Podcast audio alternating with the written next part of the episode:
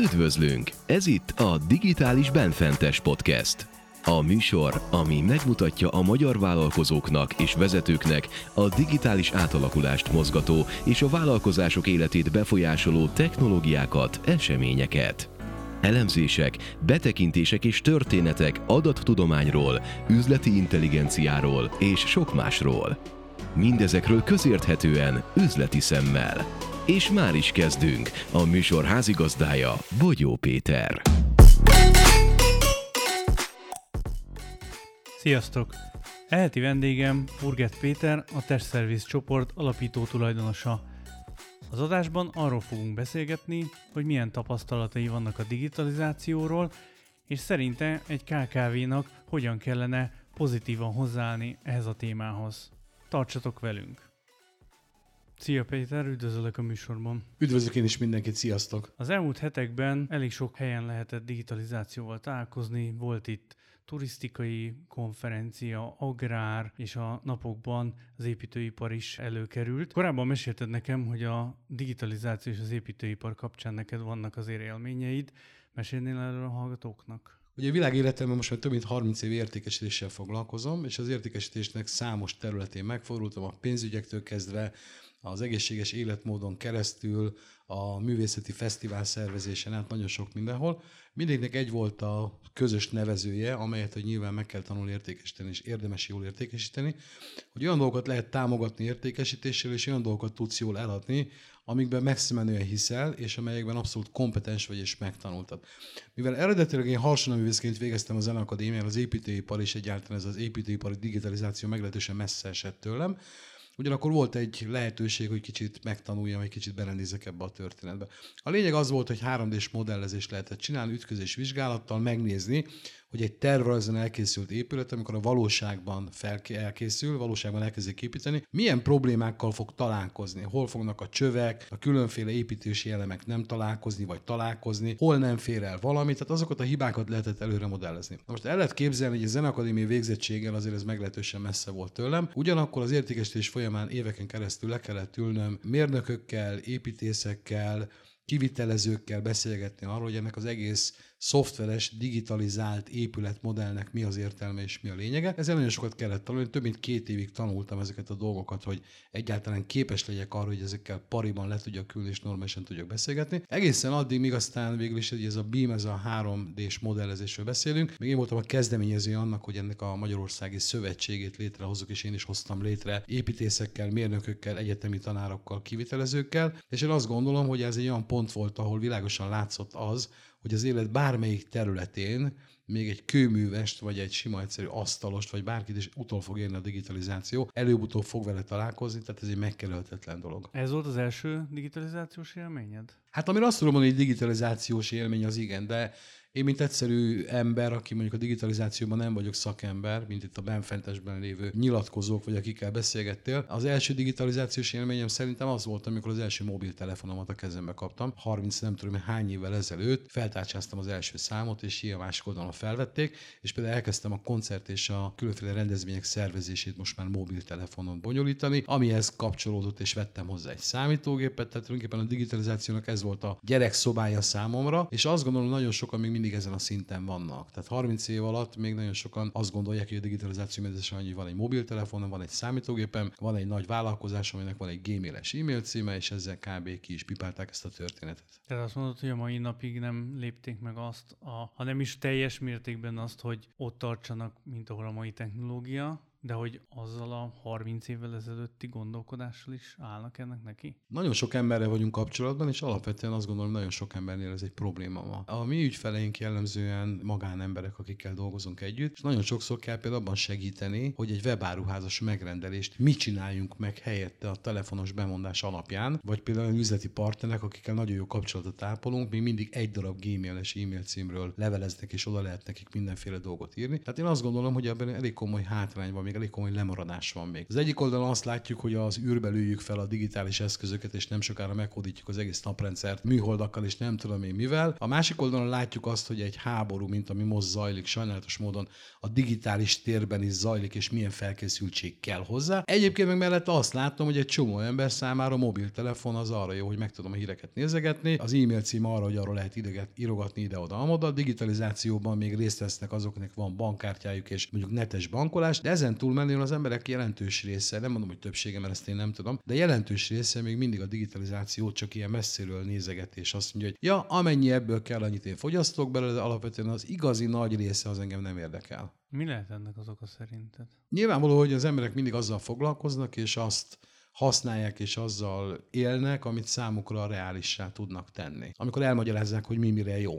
A mobiltelefonról mindenki tudja, mire jó, lehet SMS küldeni, fel lehet hívni anyukámat, tudok rajta híreket nézegetni, tulajdonképpen azt lehet mondani, hogy a kezemben van a világ, és egy ilyen globális, teljes bolygószintű nézőpontot ad nekem. Ezt megtanultuk, ez beleívódott a mindennapjainkba. A mai gyerekek azért alapvetően lényegesen mások ebből a szempontból, ők már ezzel nőnek fel. Tehát az, hogy egy három éves gyerek pontosan tudja, hogy a tableten miket kell nyomkodni ahhoz, hogy bejön a kedvenc mesefilmje, ezeket a dolgokat nekünk tanulni kellett annak idején. Tehát én azt gondolom, hogy egyrészt az, ami középpontban van és amivel foglalkoznak, másodszorban pedig, amit megtanítanak az embereknek ezekből a történetekből, amiket elmagyaráznak. Nekem vállalkozóként kellett szembesülni azzal, hogy, hogy a digitalizáció az megy előre, mint egy gyorsvonat, mi valahol állunk egy állomáson, és úgy megnéztük, hogy ez a gyorsvonat jól elszáguldott mellettünk. Most még ez annyira lehet, hogy nem fáj. Az egyes embereknek még valószínűleg ez nem okoz akkora nagy fájdalmat. De én azt gondolom, hogy pár év múlva, vagy tíz év múlva azok a vállalkozások, azok az emberek, akik nem kapcsoltak be a digitalizációba, és nem merítik ki mindazt, ami számukra ebből kimeríthető, ezek az emberek változatlanul ott fognak állni a vasútállomáson. Én legalább a cégemmel beleültem egy hajtányba, és próbálok, hogy gyorsan ott után valamilyen módon saját előből menni. Nyilvánvaló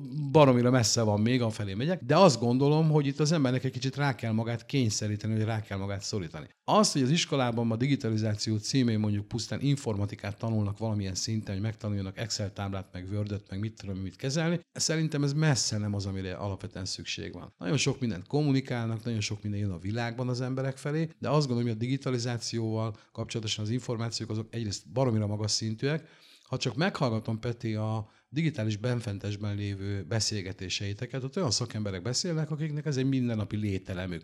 Digitalizálnak dokumentumokat, jogi digitalizáció, most éppen hallgattam a magyar villamos műveknél, milyen digitalizációs folyamatok vannak, és dolgok. Az átlag emberek, mikro és középvállalkozások számára ez olyan-olyan messze van, hogy meghallgatják szájtától, és azt mondják, hogy fú, fantasztikus, óriási dolog, de hogy jövök én ehhez? Mi közön van nekem ez az egész történet? Tehát nem mutatjuk meg az embereknek a jövőt, nem mutatjuk meg, hogy miért fontos ez a dolog, baromira le fognak maradni, és emberek milliói, százmillió, milliárdjai fognak állni a digitális autópálya mellett, és nézik, hogy az újabb digitális csúcsmodellekkel hogy száguldozik az a nagyon-nagyon kevés százalék, aki megértette, aki használja, és akinek aztán ebből nagyon-nagyon komoly üzleti haszna lesz. Mit gondolsz, akkor mi lenne erre a jó megoldás? Én azt gondolom, hogy lesz egy olyan iparág, vagy egy olyan, egy olyan szektor, vagy egy olyan embercsoport, akik ezt a digitalizációt fogják egyrészt a zászlójukra tűzni, másodszorban meg ki fog alakulni egy olyan fajta ilyen, ilyen konzultás csapat, vagy egy olyan coaching csapat, ahol az emberek fogják magukat, megnézik, hogy elmennek még az én cégemhez, eljönnek, ez egy kis, ez egy mikrovállalkozás, és megnézik, hogy jelen pillanatban egy, A, a digitalizáció milyen mértékben van jelen a cégnél. Kettő, az én általam képviselt iparágban a digitalizációnak milyen olyan részletei vagy fejlődései vannak, amiről már most lemaradtam. A jövőben mi várható, és hogyan fog ez a szektor a digitalizációban helyet kapni. És ez alapján megmutatja nekem, hogy jelen pillanatban itt tartok, jelen pillanatban itt kéne már tartsak, de a jövőben tíz év múlva ide kell, hogy eljussak, és adnak hozzá konkrétan segítséget, konkrétan megmutatják, hogy mik azok a területek, mik azok az elemek, amiket nekem most kell ahhoz beépíteni, hogy tíz év múlva versenyképes legyek. Erre csak azt szoktam mondani, hogy példaként, hogy erről beszélgetünk, hogy egy pék számára a digitalizáció az mondjuk abban merülhet ki, hogy van egy jó webáruháza, és akkor a fantasztikus gluténmentes kenyereit a webáruházban meg lehet vásárolni. Én azt gondolom, hogy a péknek tíz év múlva a digitalizációban nem egy ekkora szeletet kell használni. Nyilván a kenyeret ő ugyanúgy fogja sütni. De hogy hogyan jut el a kenyérnek a híre, az információja, az alapanyagok hogyan érkeznek meg, hogyan kell neki a beszerzési vonalakat működtetni, a kiszállítási vonalakat, hogyan kell neki majd akár digitálisan kommunikálni az ügyfeleivel, hogy lehet, hogy nem is találkozik majd a kenyérvásárlókkal, hanem teljesen más megoldások lesznek. Erre neki fel kell készülni. Ha erre nem készül fel, tíz év múlva azok a pékek, akik lehet, hogy nem sütnek olyan jó kenyeret, de digitalizációban sokkal előrébb vannak, tehát ők a digitalizált zsömlében utaznak, ezek úgy le fogják taposni a korábbi hagyományos pékeket, hogy egyszerűen csak azok pillogni fognak, mint halaszatyorban. Ez a téma már másoknál is felmerült, és tőlük is azt kérdeztem, hogy, hogy miért van ez a nagy szakadék, hiszen ugyanezek az emberek, akik ezeknek a cégeknek a tulajdonosai, vezetői, használják akár csak a mobilos példádnál maradva, a mobil alkalmazásokat, ott rendelnek akár ételt, könyvet, foglalnak szállodai szopát, és lehetne sorolni. Tehát, mint hétköznapi emberek, élnek azzal a digitalizációs eszköztárral, ami van. Miért lehet az, hogy ezt, mikor arról van szó, hogy be kell vinni a cégébe, akkor már nem ilyen egyértelmű? Nyilvánvaló, hogy azokon a területeken úszott be először a digitalizáció, ahol az emberi lustaság és a komfort érzet ezt megkívánta. Senki nem szereti boltban tolakodni és órákat sorban állni, senki nem szereti a harmadik vagy a negyedik emeletre a vizet kézben felvinni, sokkal egyszerűbb, hogy odarendeljük, és sokkal a futár mondjuk felviszi. Sokkal egyszerűbb egy színháziat megnézni, hogy hol akarok ülni, mint oda beállni mondjuk egy sorba egy pénztárban, és ezt a dolgot megtenni. Tehát egy csomó egy dolog esetében nem kell elmennünk, sokkal komfortosabb, sokkal kényelmesebb, akár több információt is kaphatunk ennek segítségével. Ezeken a területeken nagyon-nagyon szépen bejött. Elegem sokkal kényelmesebb kártyával fizetni például. Egy koncertre, ami az operaházban lesz báza keretjéről, sokkal egyszerűbb megrendelni egyet interneten, és a többi, és a többi. Tehát itt van egy ilyen fajta kényelmi dolog ebben a történetben. Egy cég esetében nagyon sok esetben ki kell lépni a komfortzónából, és komoly változásokra van szükség az, hogy a digitalizáció valamilyen módon elkezdjen bekúszni. Nagyon sok esetben nem azonnali a hatása. Költségei vannak. Fel kell borítani azt a jól menő struktúrát, amiben jelen pillanatban vagyunk. A cég működik, igazából semmiféle kényszerítő erő nincs, hogy ezen az ember változtasson. Tíz év múlva mi lesz a cég, hogy tíz év múlva felkészüljek? Én azt gondolom, hogy azok a nagy emberek, akik, akik óriási dolgokat hoztak létre a világban, azok szerintem 10-20-30 évre előre megtervezték, hogy miket akarnak elérni, és ebben a digitalizációnak óriási szerepe lehet. Ameddig nem fáj egy cégvezetőnek, hogy a digitalizációból kimaradt, vagy a digitalizáció csak a mesdjéjén van, a partvonalon valahol, addig valószínűleg ez nem fog bevenni, hogyha nem értetjük meg velük, hogy ennek mi a fontossága. Az én cégem esetében volt egy ilyen kényszerítő erő, amikor jött a koronavírusos történet, ugye mi személyesen konzultáltuk például az ügyfeleket, egy csomó ügyfelel személyesen találkoztunk, Ezután az emberek nyilván egyrészt nem is tudtak, másodszorban nem is nagyon akartak személyesen érintkezni sok esetben. Tehát valamilyen módon elkezdett érdekelni ez a dolog, hogy hogyan lehetne megoldani személyes közreműködés nélkül egy csomó dolgot. Hogyan lehetne digitalizálni a programjainkat, hogyan lehetne digitalizálni a szolgáltatásunkat. Az is egy digitalizációs lépés volt, hogy a könyveinket e-formában megjelentettük, a webáruháznak a felfuttatása, egyéb ilyen dolgok, ez mind digitális eszközökre volt szükség, de nekünk volt egy kényszerítő erő, hogy az a jól bevált működő modell, ami eddig volt, az innentől kezdve valami valamilyen módon átváltozott, nem működött. Ameddig a péknek megy, addig valószínűleg ebből a komfortzónából kilépni, és ezt megváltoztatni nem lesz egyszerű. Abban a pillanatban, hogy látja, hogy lemarad a többi mondjuk digitalizált pékhez, csak maradjunk a pékeknél, a pékekhez képest, abban a pillanatban neki is nyilván fel kell majd venni a versenyt, és el kell kezdeni ezzel foglalkozni. A kérdés mindig csak az, hogy abban a pillanatban, amikor az ember rájön, hogy lemaradt, akkor van-e még esélye arra, hogy utoléri a vonatot, vagy ez a vonat véglegesen elment, és erre a vonatra soha többet nem tud felszállni. Tehát én azt gondolom, hogy egy, tanítani kell az embereket arról, hogy mi a digitalizáció még ezt megelőzően nulla pontként, nem lenne baj, hogyha definiálná már végre nekem valaki, hogy a digitalizáció mondjuk a mikro és a kisvállalati környezetben konkrétan pontosan mit jelent. A digitalizáció mindig ilyen elektromos dolgokkal függ össze, meg rádióhullámok, meg nem tudom én, wireless, meg egyéb ilyen dolgokkal. Senki nem definiálta, nekem senki nem tanította meg, nagyon sokáig még meg nem találtam egy olyan embert, aki ebben tudott nekem segíteni, és aki megértette velem. Én nem vagyok egy buta és lassú ember, de nekem is hónapokba tellett, mire rájöttem, és a homlokra csaptam, és azt mondtam, hogy ó Istenem, ebből nekem nem szabad kimaradni. Három, nagyon egyszerű, érthető információkat kell adni az embereknek, és egy olyan fajta haszonérveléssel megmutatni, hogy az ő esetében, az ő életében miért lesz jobb, miért lesz kényelmesebb, miért tud egy kicsit lustább cégvezető lenni, miért tud egy kicsit komfortosabb cégvezető lenni, és hogy megérti valaki a digitalizáció a cég életében azt jelenti, mint hogy házhoz szállítják magánemberként nekem a webáruházból a termékemet, abban a pillanatban ezek az emberek el fognak kezdeni kapaszkodni utána. Na és az lesz az a pont, amikor szerintem baromi szépen könnyedén be fog majd menni a fejekbe a digitalizáció kérdése. Te említetted azt is, hogy a Covid-nak volt egy ilyen kényszerítő hatása, ez teljes magyar KKV szektor ugye átélte, és különböző formán jöttek elő belőle megfejtések a, a magára a helyzetre, cégmérettől, ágazattól és vezetői szándékoktól és eszközöktől is függött. Mi az, ami nálatok benn maradt az a digitális eszköz, amit elkezdtetek mondjuk használni? Ugye nagyon sokáig a marketing az ilyen kézi vezérlésű volt, amikor kézből csináltuk a dolgokat, posztokat, hírleveleket, ezt, azt, azt, ilyesmit. Volt egy csomó lehulló ember, akivel nem tudtunk előképpen foglalkozni, kiment egy hírlevél megnyitás arány, mit tudom 28 százalék, na de van a maradék 72-vel, és így tovább, és itt van. Azok az automatizált rendszerek, amiket ma már használunk a marketingben, egyrészt képesek arra, hogy ezeket a hibákat, ezeket a problémákat kiküszöböljék, képesek arra, hogy elvégezzék több ember munkáját, tehát mondjuk egy 22 ezeres e-mail listát kezelgetni egyenként és darabonként azért az meglehetősen macerás lenne. Illetve rájöttünk arra, hogy egy csomó mindent a digitális térben elhelyezve egy olyan fajta csoporttal tudunk kommunikálni, és egy olyan csoporttal tudunk együtt dolgozni, akivel egyébként a fizikai térben nem. Ami azt jelenti, hogy nincsenek országhatárok, nincsenek nyelvi nehézségek, hogyha legalább angol nyelven valaki képes szolgáltatni vagy vinni a különféle dolgait. Nagyon jellemző, hogy Korábban nem fordult elő, hogy Kanadából volt, aki rendelt tőlünk, kettő perc alatt lerendeztünk mindent, és meg tudtuk neki oldani, és mondjuk 10 percen belül Kanadában az elektronikus könyveinket tudta olvasni magyar nyelven. Ez korábban számomra egy olyan dolog volt, hogy jó, persze vannak ilyenek, meg elkönyvek, meg anyukám is hallgat hangos könyvet, de ezek konkrétan már nálam jelentkeztek. Nem csak az, hogy könnyebbséget okoztak, hanem valahogy kinyílt a világ, és képes voltam arra, hogy egy olyan fajta, másfajta, egy kicsit kibővített üzleti modellel tudja gondolkozni.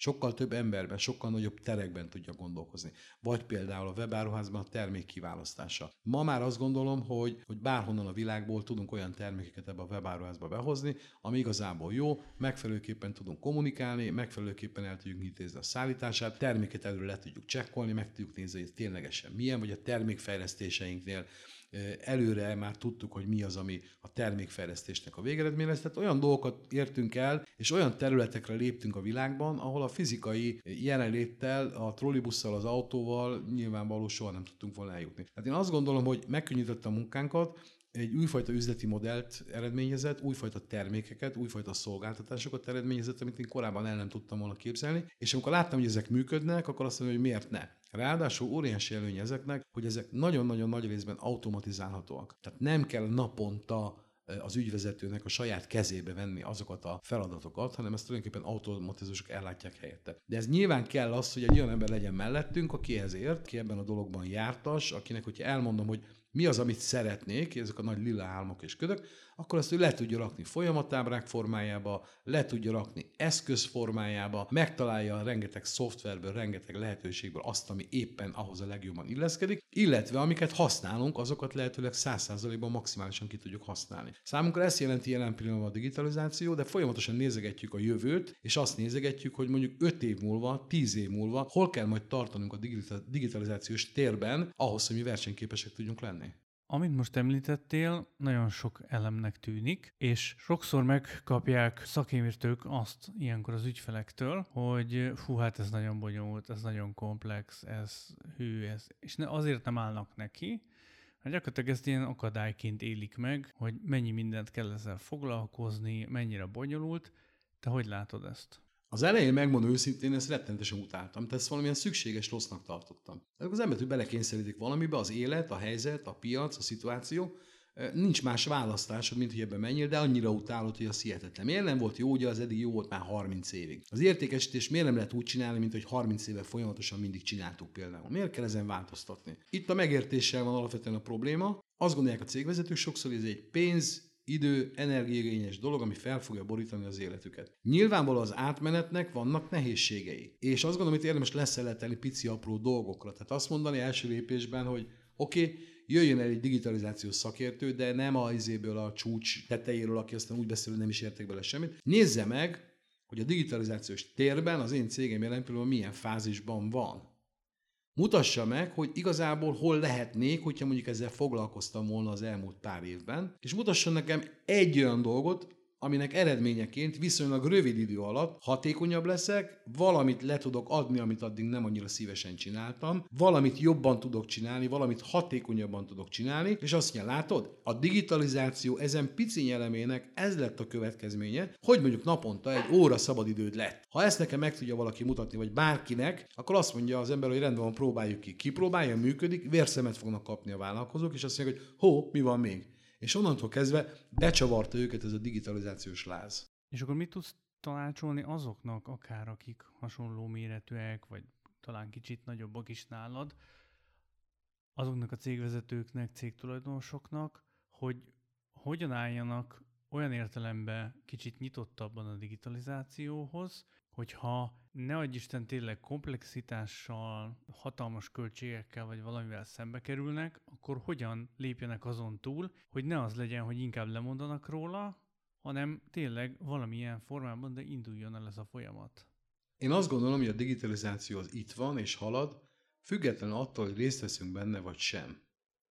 Tehát ez, ez nem egy opció, hogy most akkor én kimaradok a digitalizáció, és lesz majd a társadalomnak egy olyan része, amely érintetlen a digitalizációtól, és neki nem kell ezzel foglalkozni, mert ezek a cégek, ezek a vállalatok, ezek az emberek, ezek baromira le fognak maradni a világban, a világ megértéséről, a világban való élésről, a lehetőségekről, hogy fejlődjenek. Tehát ez tudomásul kell venni mindenkinek, jó napot kívánok, a digitalizáció az itt van, és mint egy ilyen elképesztő gomba nő itt körülöttünk, akkor is, hogyha tetszik, akkor is, hogyha nem tetszik. Ez az első lépés. A másik lépés, azt gondolom, hogy érdemes megnézegetni mondjuk egy adott iparágban, vagy egy adott szektorban, hogy a többiek, akik velem együtt vannak, mondjuk a többi pék, hogyha most a pékeknél tartunk, nagyon leragadtam, mint a pékeknél, hogy a többi pék az, az használ ebből valamit esetleg, csinál ezzel valamit. Mit tudom, marketinggel, beszerzést mondjuk már online csinálja, van valamilyen digitalizációs, nem tudom én micsoda eszköze a pékségben, vagy mit tudom én, a kirakatában egy jó videó, amire arról szól, hogy hogyan süti a kenyeret, vagy egyéb ilyen dolog.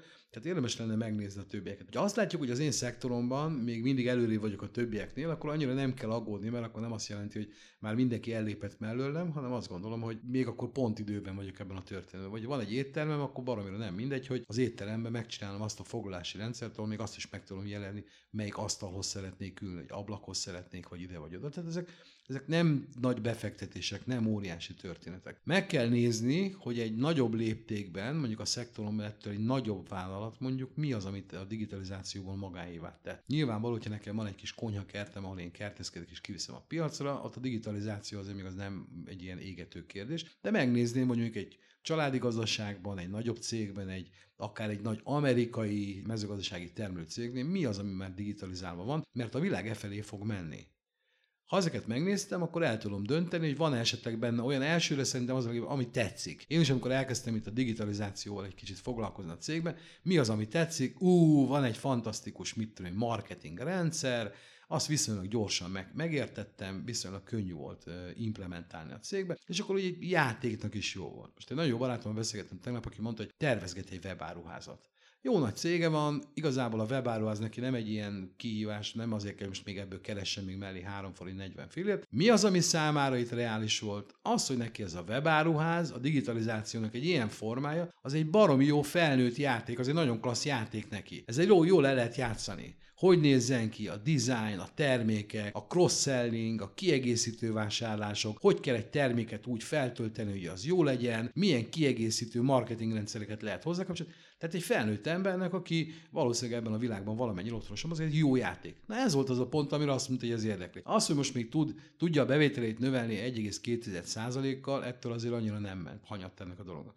Tehát azt kell megnézni, találsz ebben olyat, ami szórakoztató. Ami nem csak az, hogy hú, akkor most bele kell állni, és akkor izzadva kell nekem küzdeni ezzel a dologgal, hanem kifejezetten szórakoztat. Nekem például az új hírlevél küldő rendszer, ami egy integrált ilyen marketing rendszernek a része, baromira tetszik, mert nagyon szépek, szépeket lehet vele csinálni.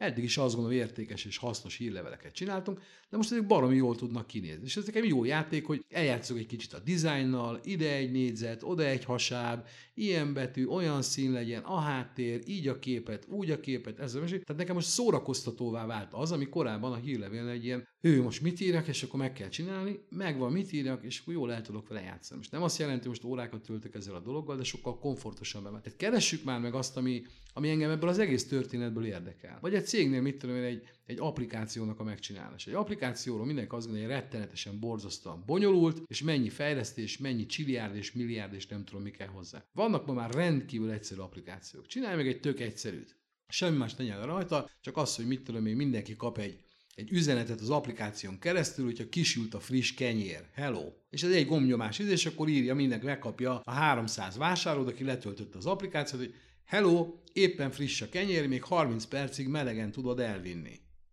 És az emberek tökre fognak örülni neki, tökre fogják bírni, és egy ilyen applikációnak az elkészítés az fillérekbe kerül. Ami fontos az, hogy meg kell nézni a jövőben ezt hová lehet elvinni. Tehát nem most, hogy megcsináltam egy ilyet, és akkor kiderült, hogy ja, és akkor még a kiflit is bele kéne rakni, meg bele kéne rakni az akciót, meg bele kéne rakni egy újfajta lisztből dolgozom, meg egy új receptet, meg és Tehát előre azért ki kell találni, de mindig az első pici lépést kell hozzá megtenni.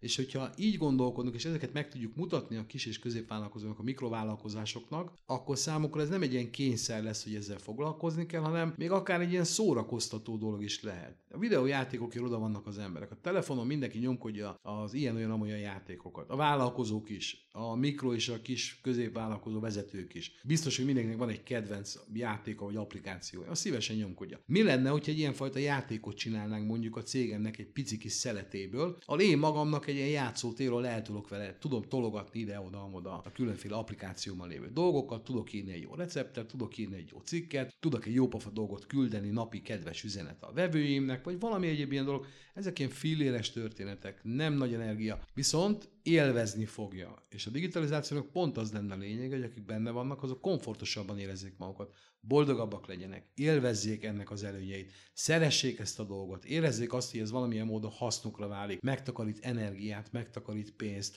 nagyobb üzleti potenciált ad, ad több szabadidőt például, amit másodtól az ember eltölteni. És nézzük meg, most például egyre több ilyen mobiltelefonos cég afelé tolja ezt a dolgot, hogy, hogy a mobiltelefónia, így összességében, ez azt a szabadságot adja neked, hogy nem kell a cégedben meghalni, hanem kapsz plusz időt, amit másra tudsz fordítani. Nyilván nem véletlen. Nyilván ez az a rész, ami például nagyon reális lehet az embereknek.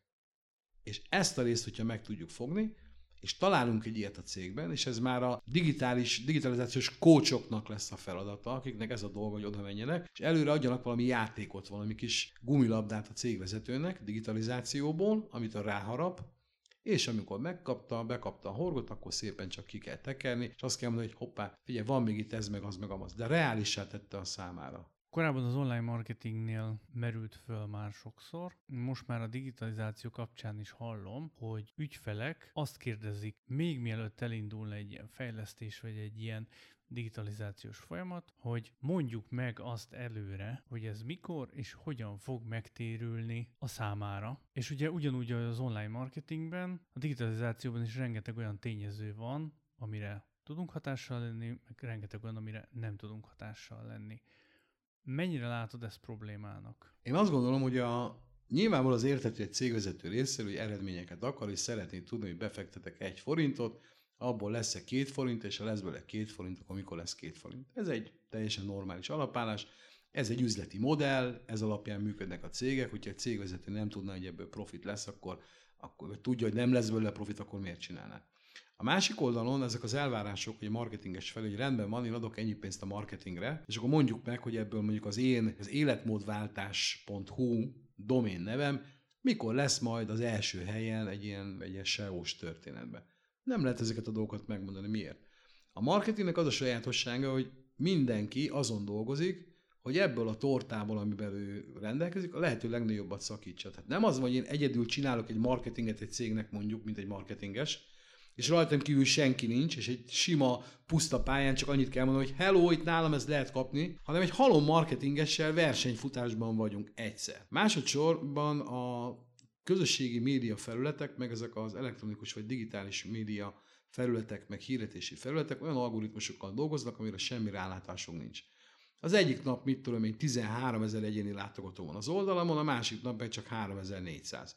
Semmit nem változtattunk, meg mindent ugyanúgy csináltunk, egyetlen változás van, hogy ezek a média felületek az algoritmusokban éppen változtatásokat csináltak, amit nekem majd idővel le kell követni. A harmadik dolog, ezt a digitális marketinget igazából szerintem nem rövid távon kell nézni, hanem hosszú távon kell nézni.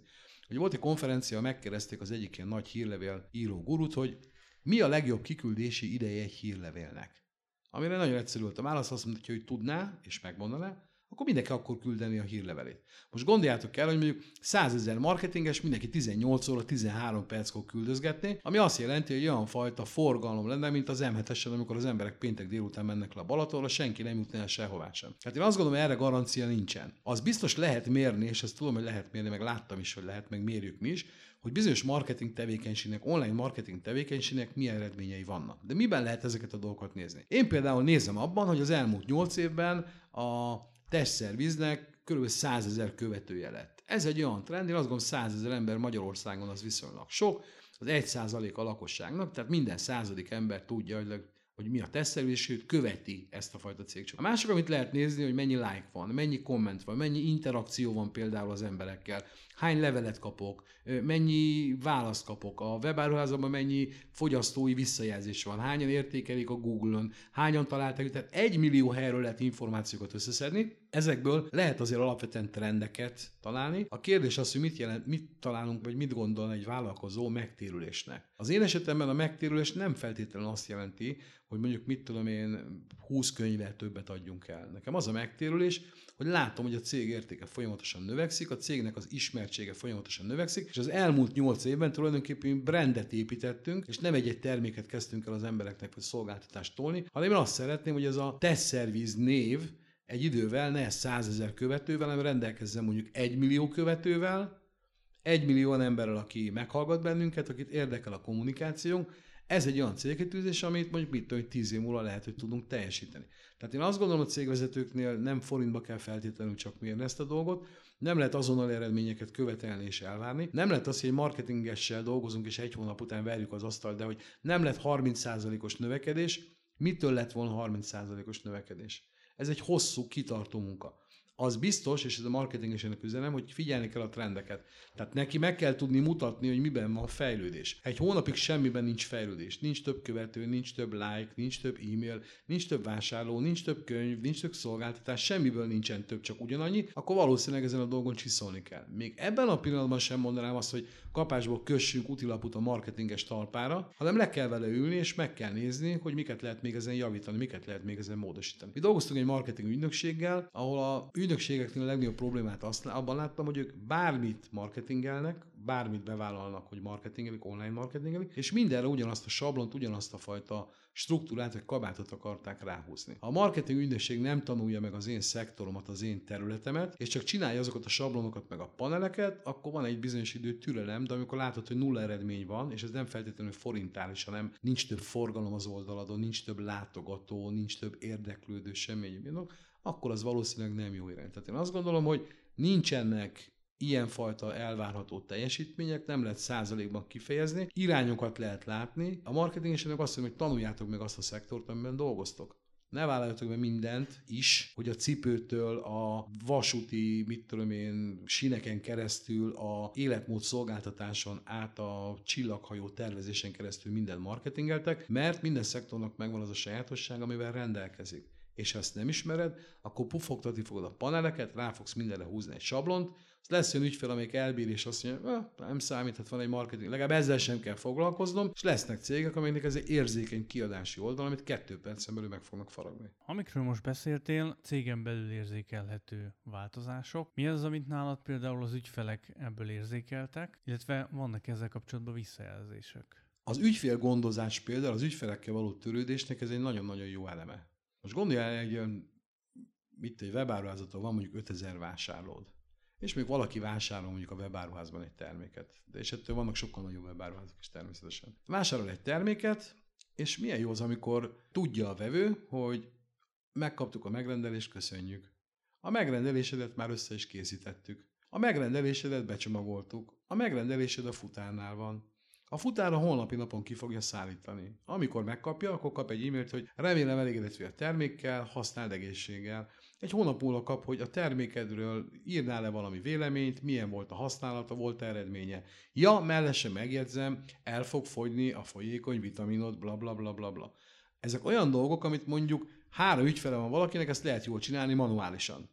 De amikor itt százával meg ezrével vannak ügyfelek, ezt nem lehet manuálisan csinálni. Az ügyfelek pedig azt látjuk, hogy igénylik, hogy törődjenek velük. Például volt egy ügyfelünk, aki visszajelzett, kapott egy levelet, amikor a csomagját összekészítettük, egy kedves levelet, összekészítettük, átadtuk a futárnak, a honlapi nap folyamán érkezik. Rögtön írt egy levelet, hogy jaj, milyen jó, hogy tájékoztattuk, és milyen jó, hogy tudja, hogy mi van. Hát ő megrendelt valamit. Ha nem kap erről visszajelzést, akkor gondolhatja, hogy eltűnt a pénzem, vagy majd küldenek valamit, vagy nem küldenek, megkapták, megérkezett a megrendelés. Tehát ez olyan fajta törődést enged meg nagy mennyiségű ember, tehát nagyon sok emberrel, amire igazából korábban ilyen call centerek tucatjait használták, meg emberek tucatjait, akik hívogatták és telefonon beszélgettek az emberekkel. Nyilván itt is van olyan pont, amikor be kell személyesen lépni, de egy gördülékeny vásárlási folyamatnál, ahol nincsen semmi probléma, ezek nagyon-nagyon szépen azt mutatják az ügyfélnek, hogy fontos, foglalkozunk vele, és bármennyi ügyfél van, mindegyiket ilyen módon tudjuk kezelni. Ez egy olyan pont szerintem, ami a jövőben mindenképpen szükséges. Ha ez nem lesz meg, el fognak fordulni ezektől az üzletektől, ezektől a, ezektől a vállalkozásoktól az emberek, azt gondolom. Ha össze kéne foglalni, akkor te mit üzennél a többi cégvezetőnek? Megmondom őszintén, nem csak a cégvezetőknek üzenném, hanem ez egy, az én üzenetem az több irányú. Először is üzennék a digitális benfenteseknek, hogy olyan magasan vannak, és olyan szinten értik ezt a dolgot, és olyan szinten kezelik ezt a dolgot, hogy én az átlag ember, vagy az átlag cégvezető hozzá nem tudok szagolni. Ameddig ezt nem hozzák le igazából az én szintemre, addig azt fogom érezni, hogy belekényszerítenek engem bizonyos digitális dolgokba. Tehát belekényszeríteni a digitális, digitális jogintézménybe, vagy a jogászkodásba, bele fognak kényszeríteni a digitális kormányzati ügyintézésekbe, meg egyéb ilyen dolgokba, de nem örömmel fogok belemenni, azt mondom, hogy jó, még egy papír, amit ki kell tölteni, vagy digitális papír, amit ki kell tölteni, még egy olyan nyomtatvány, amit nem értelmezhetek, és nem tudom, miről van szó. Tehát azt üzenem a digitális benfedesnek, hogy legyenek olyan kedvesek, beszélnek már úgy, hogy mi is megértsük. A másik üzenetem a hasonló, hozzám hasonló cégvezetőknek, hogy gyerekek, ez a dolog itt van, tetszik, nem tetszik, ez be fog következni. Ez úgy fog rajtunk keresztül menni, mint az úthenger. Vagy csatlakozunk ez a történet, és ennek az uszáján ennek az előnyét fogjuk élvezni, vagy el fog menni mellettünk a világ, és tíz év múlva szomorúan ott fogunk állni, hogy ami tíz évvel ezelőtt működött, az ma miért nem működik. A harmadik üzenetem pedig nyilván ez alapvetően vállalkozásoknak szól, vagy vállalati vezetőknek, ez a digitális benfetes, az egyszerű embereknek. Tudomásuk kell venni, mindig ezzel szoktam például, az Marika nőnek Báza keretjén, ami egyébként egy gyönyörű kis település, hogy a digitalizáció őt is valamilyen módon fogja érinteni. Az, hogy mondjuk ma már digitális módon kell majd bediktálni az elektromos órának az állását. Az, hogy lassacskán a sárga csekk kimegy a divatból. Az, hogy a készpénzt lassacskán le fogja váltani a bankkártya és az internetbank. Ezek olyan dolgok, amik lehet, hogy akik még most 98 évesek ezeket nem nagyon érinti, de azokat, akik még dolgoznak, jó formában vannak, nyugdíjasok is akár, ezek az emberek találkozni fognak ezzel a dologgal. A kérdés az az, hogy amikor találkoztok ezzel, akkor ott álltak és néztek valami csodára, amivel nem tudtok mit kezdeni, hogy valamilyen módon ebbe a dologba be fogtok kapcsolódni. Tehát egy gyereknek, egy, egy fiúnak, egy lánynak kötelesség, hogy az anyukáját valamilyen módon segítse be mondjuk a digitális világba. Én nagyon sokat foglalkozunk családilag azzal, hogy édesanyám, aki most 83 éves, a digitalizációnak egy ilyen magánember szinten az élharcosa aki tableten hallgatja a rádiót, aki hangos könyveket tölt le az internetről, aki ezeket a dolgokat napi szinten használja, és nem jelent számára problémát az, hogy mondjuk mit tudom, el kell utalni pénzt valahová, és mondjuk a villanyszámlát azt elektronikus úton kell kifizetni. Vagy a lakás biztosításra, amikor megjön a kötvény, akkor vissza tudja elektronikusan igazolni, hogy hello, itt van.